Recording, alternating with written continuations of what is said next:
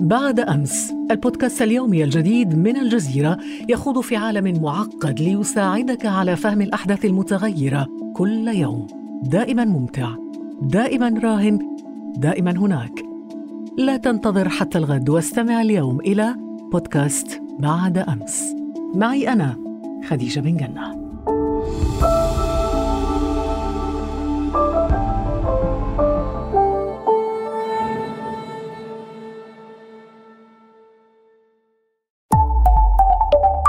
الجزيرة بودكاست.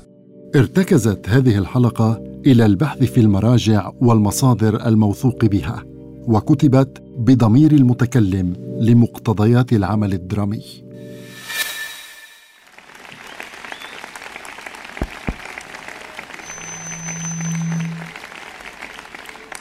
أيها المتخرجون من جامعة ستانفورد أوصيكم في ختام خطاب هذا بالقاعدة الذهبية للنجاح. فلا تنسوها ابدا. وقتكم محدود لا تضيعوه. لا تقعوا في الفخ في أفكار الآخرين فتخنقكم.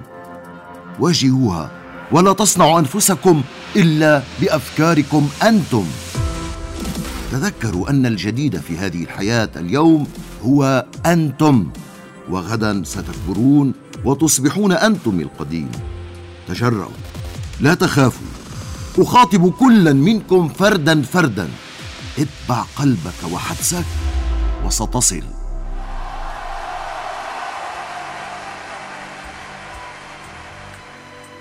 أنا رجل أعمال جمع ثروة طائله ولكن أنا أيضا المكافح ابدا لتغيير العالم والباحث عن أسرار الحياة. ترى هل يكشفها الإنسان أم الآلة؟ وأنا ككل إنسان أصبت كثيرا وأخطأت كثيرا. أريد أن يتعرف إلي الشباب في العالم العربي خصوصا. هل تعرفون أولئك الشباب العرب؟ كنت سأكون واحدا منهم. لو عاد بي والدي البيولوجي إلى وطنه الأم سوريا ولم يتركني للعائلة التي تبنتني. أنا عبقري التكنولوجيا مؤسس أبل ومخترع ماكنتوش وآيبود وآيباد. أنا صاحب هذه التفاحة التي تتفاخر بامتلاكها. أنا ستيف جوبز.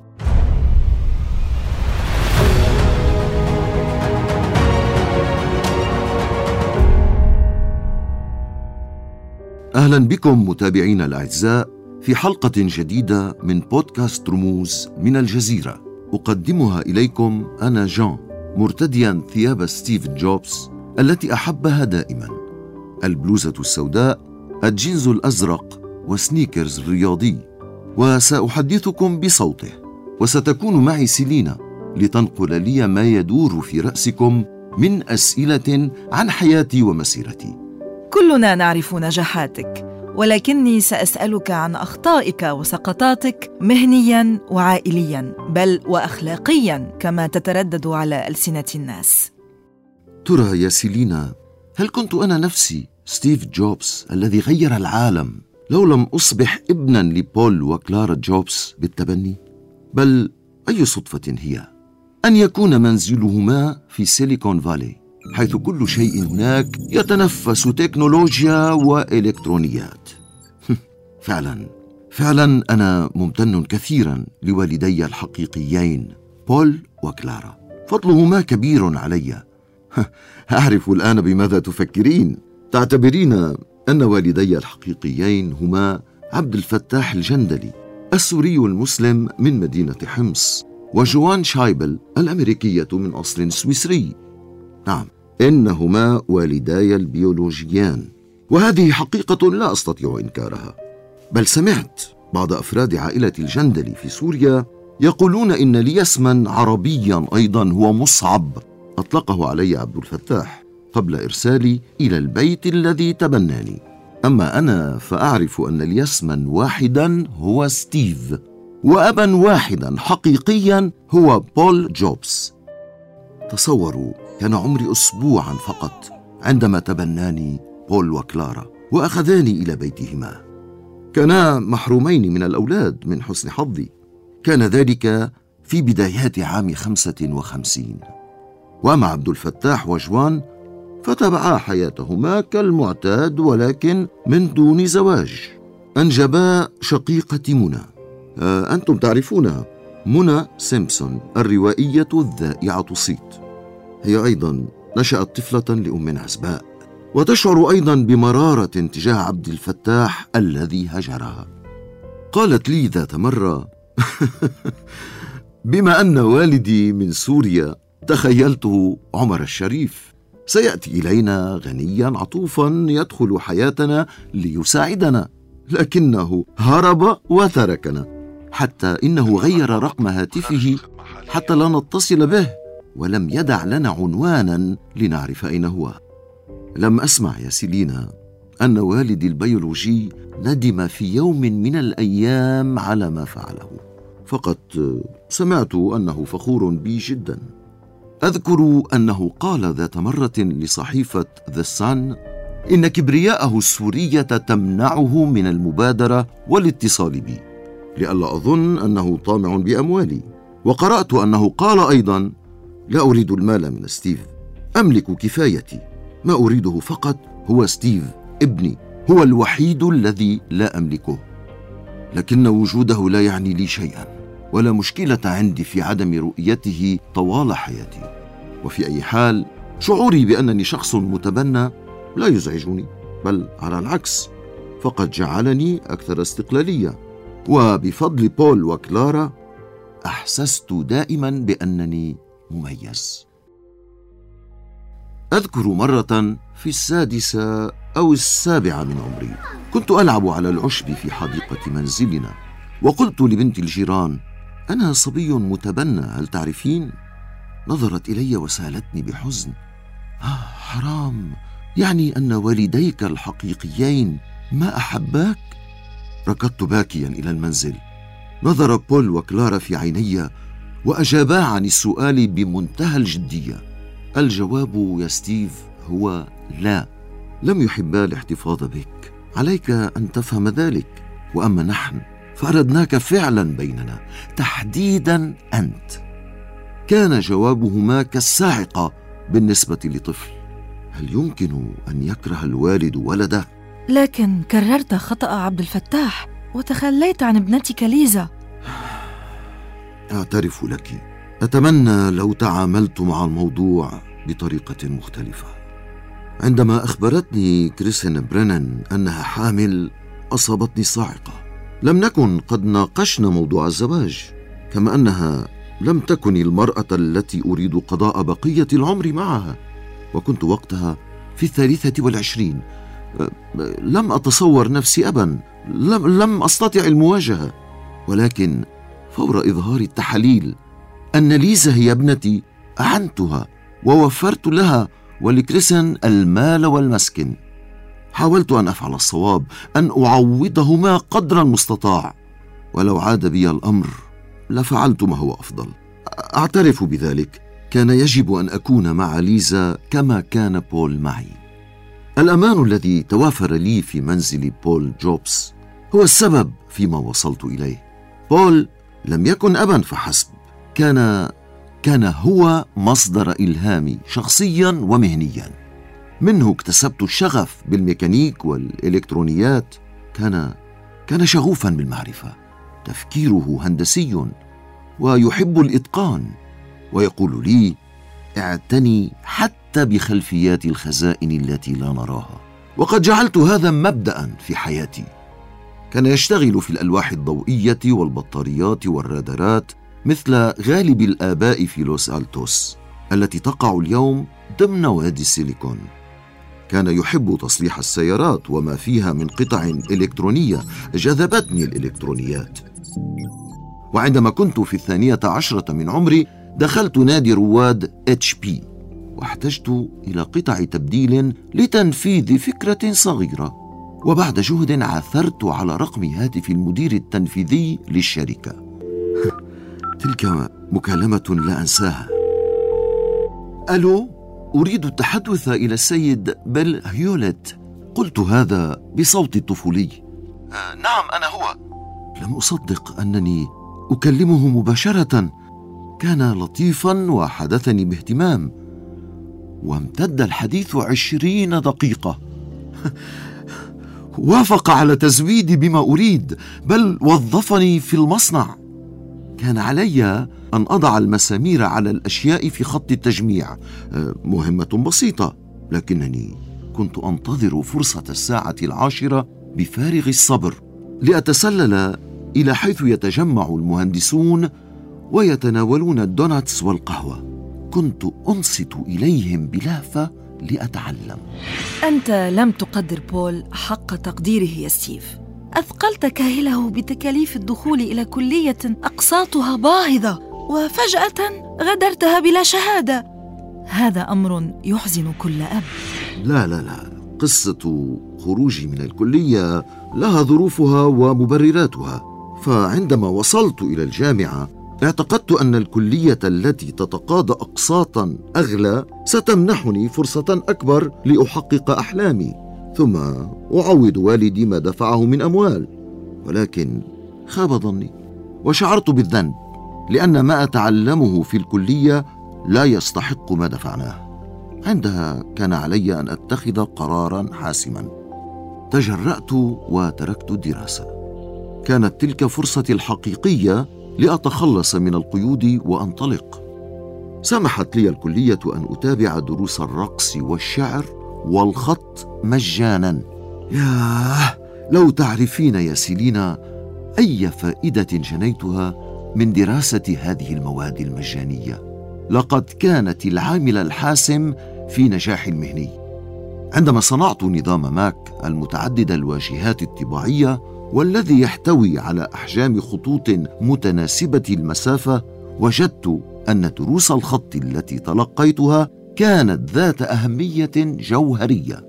كل أجهزة الكمبيوتر في العالم مدينة لهذه الدروس التي تلقيتها في مادة الخط. عندما غادرت الكلية نهائيا وعدت إلى لوس ألتوس كنت في العشرين من عمري.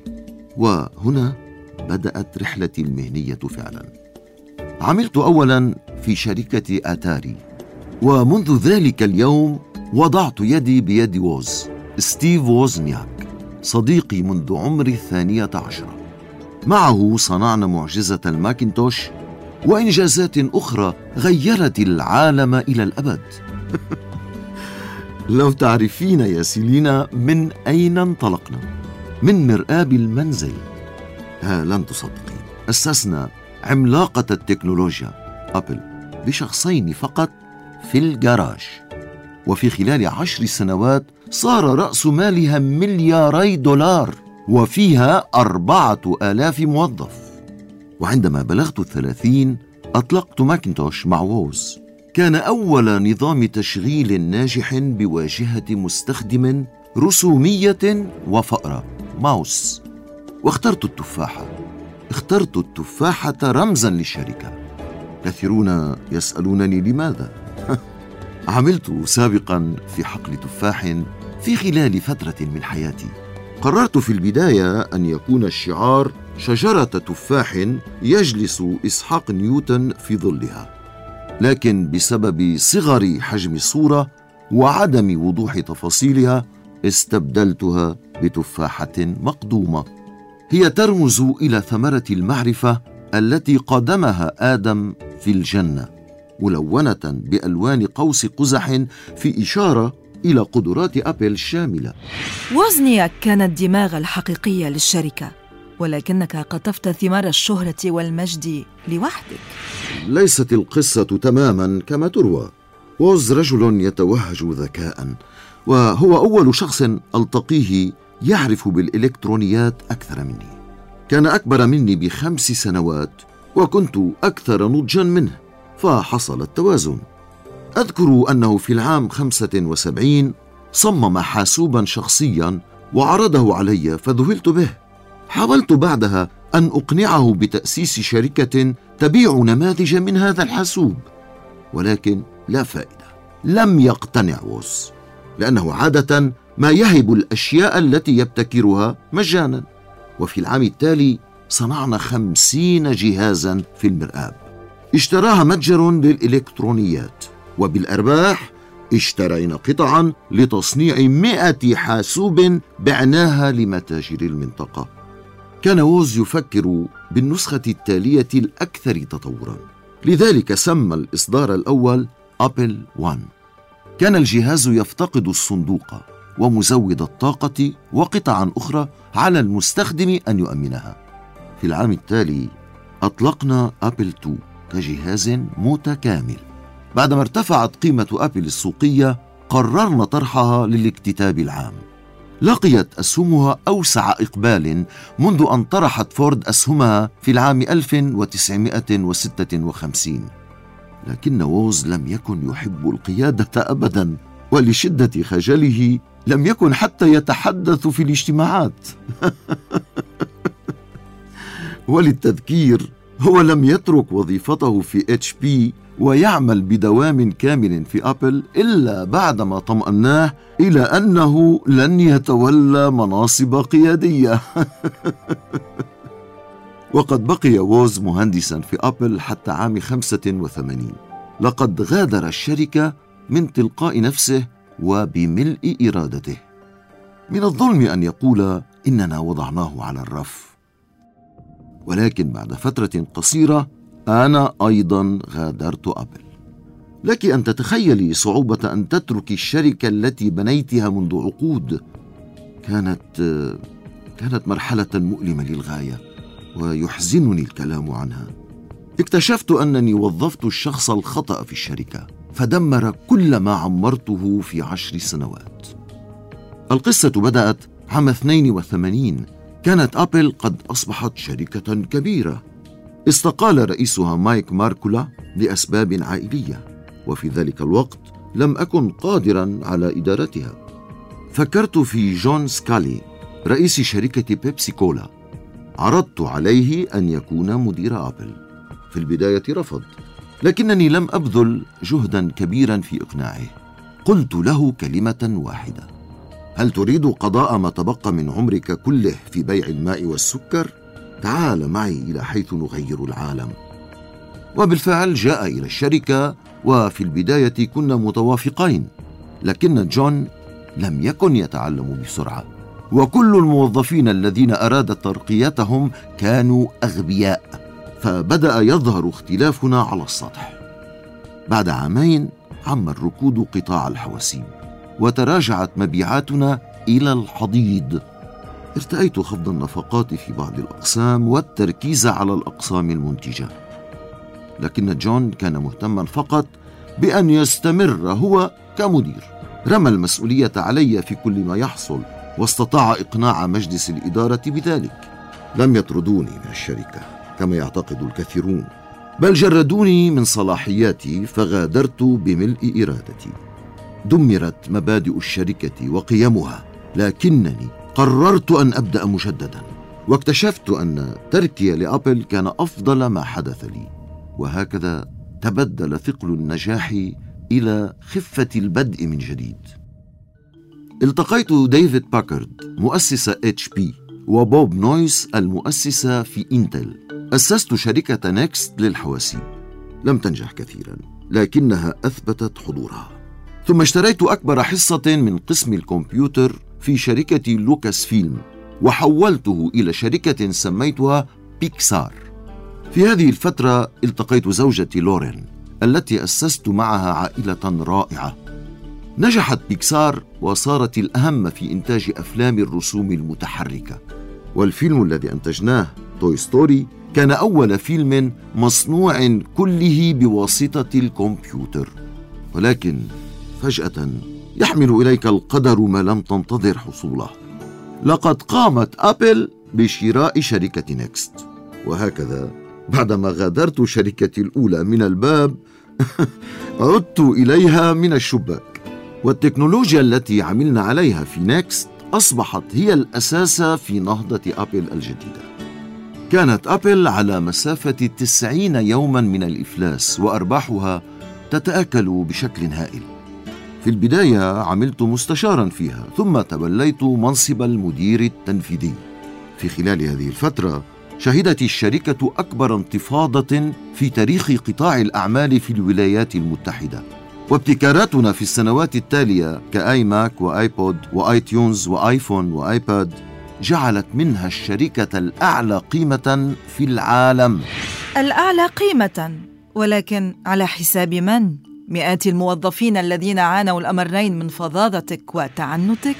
لا لا هذا الكلام فيه الكثير من التجني لطالما أعطيت كل عامل في الشركة حقه هل تعلمين أن حاويات ماكنتوش تحمل في داخلها تواقيع أعضاء الفريق الذي عمل على المشروع؟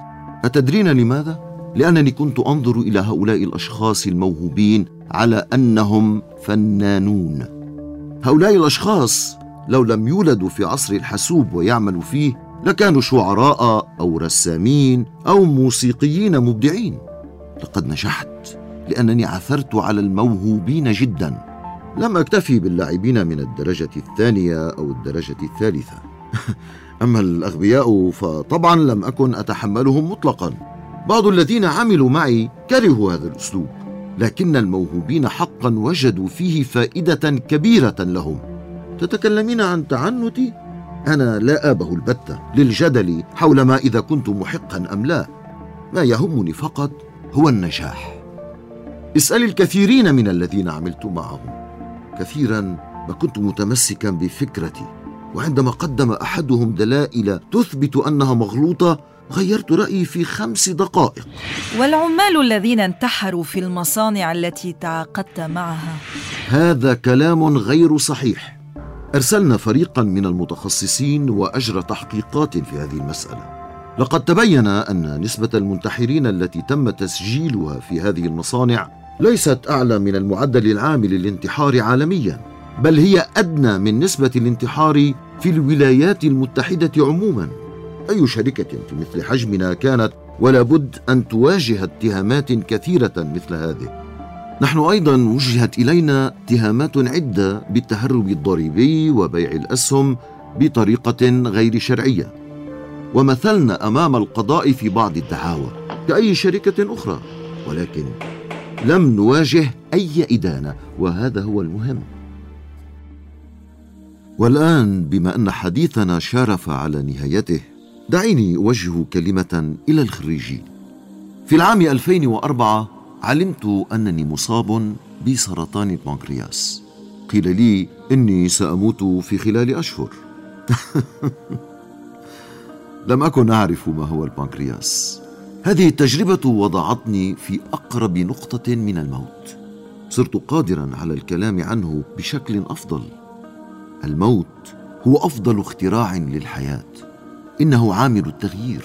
وأما الحياة فهي محدودة فلا تهدروها.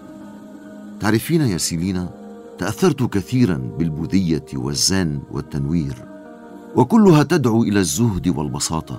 وتعتبر أن الوعي الحدسي أهم بكثير من التحليل المنطقي. ولهذه الغاية أمضيت سبعة أشهر في الهند وقد ساعدني ذلك على بلورة نظرتي إلى الحياة والموت. وكذلك لا انسى قولا قرأته في السابعة عشرة من عمري. من يعش كل يوم وكأنه آخر يوم في حياته يصل حتما إلى اليوم الذي يكون فعلا آخر أيامه.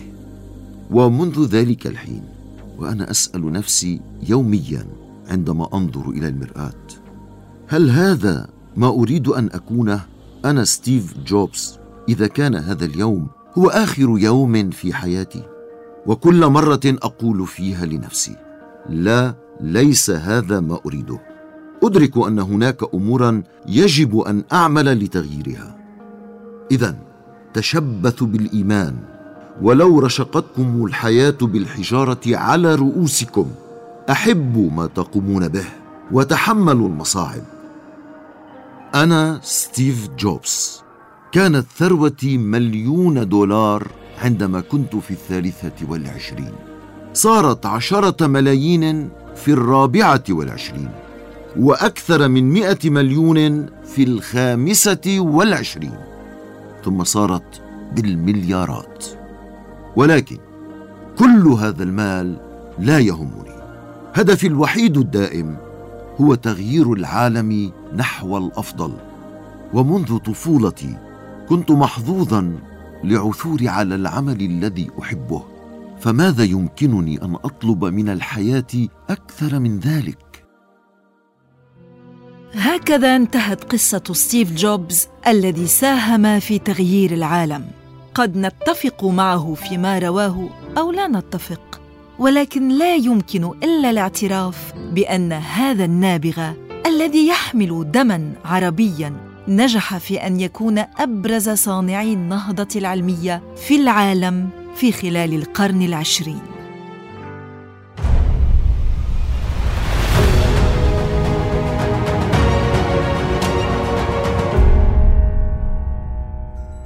في الحلقة المقبلة من بودكاست رموز سنتناول سيرة رمز آخر رحل وترك أثره في حياتنا. لا تفوتوا حلقتنا المقبلة يوم الأحد المقبل ويمكنكم الاستماع إلينا عبر جوجل بودكاست أو أبل بودكاست أو ساوند كلاود. فقط ابحثوا عن الجزيرة بودكاست. كما لا تنسوا مشاركة هذه الحلقة وزيارة موقعنا على الإنترنت podcast.aljazeera.net كان معكم جان وسيلينا من بودكاست رموز من الجزيرة. إلى اللقاء.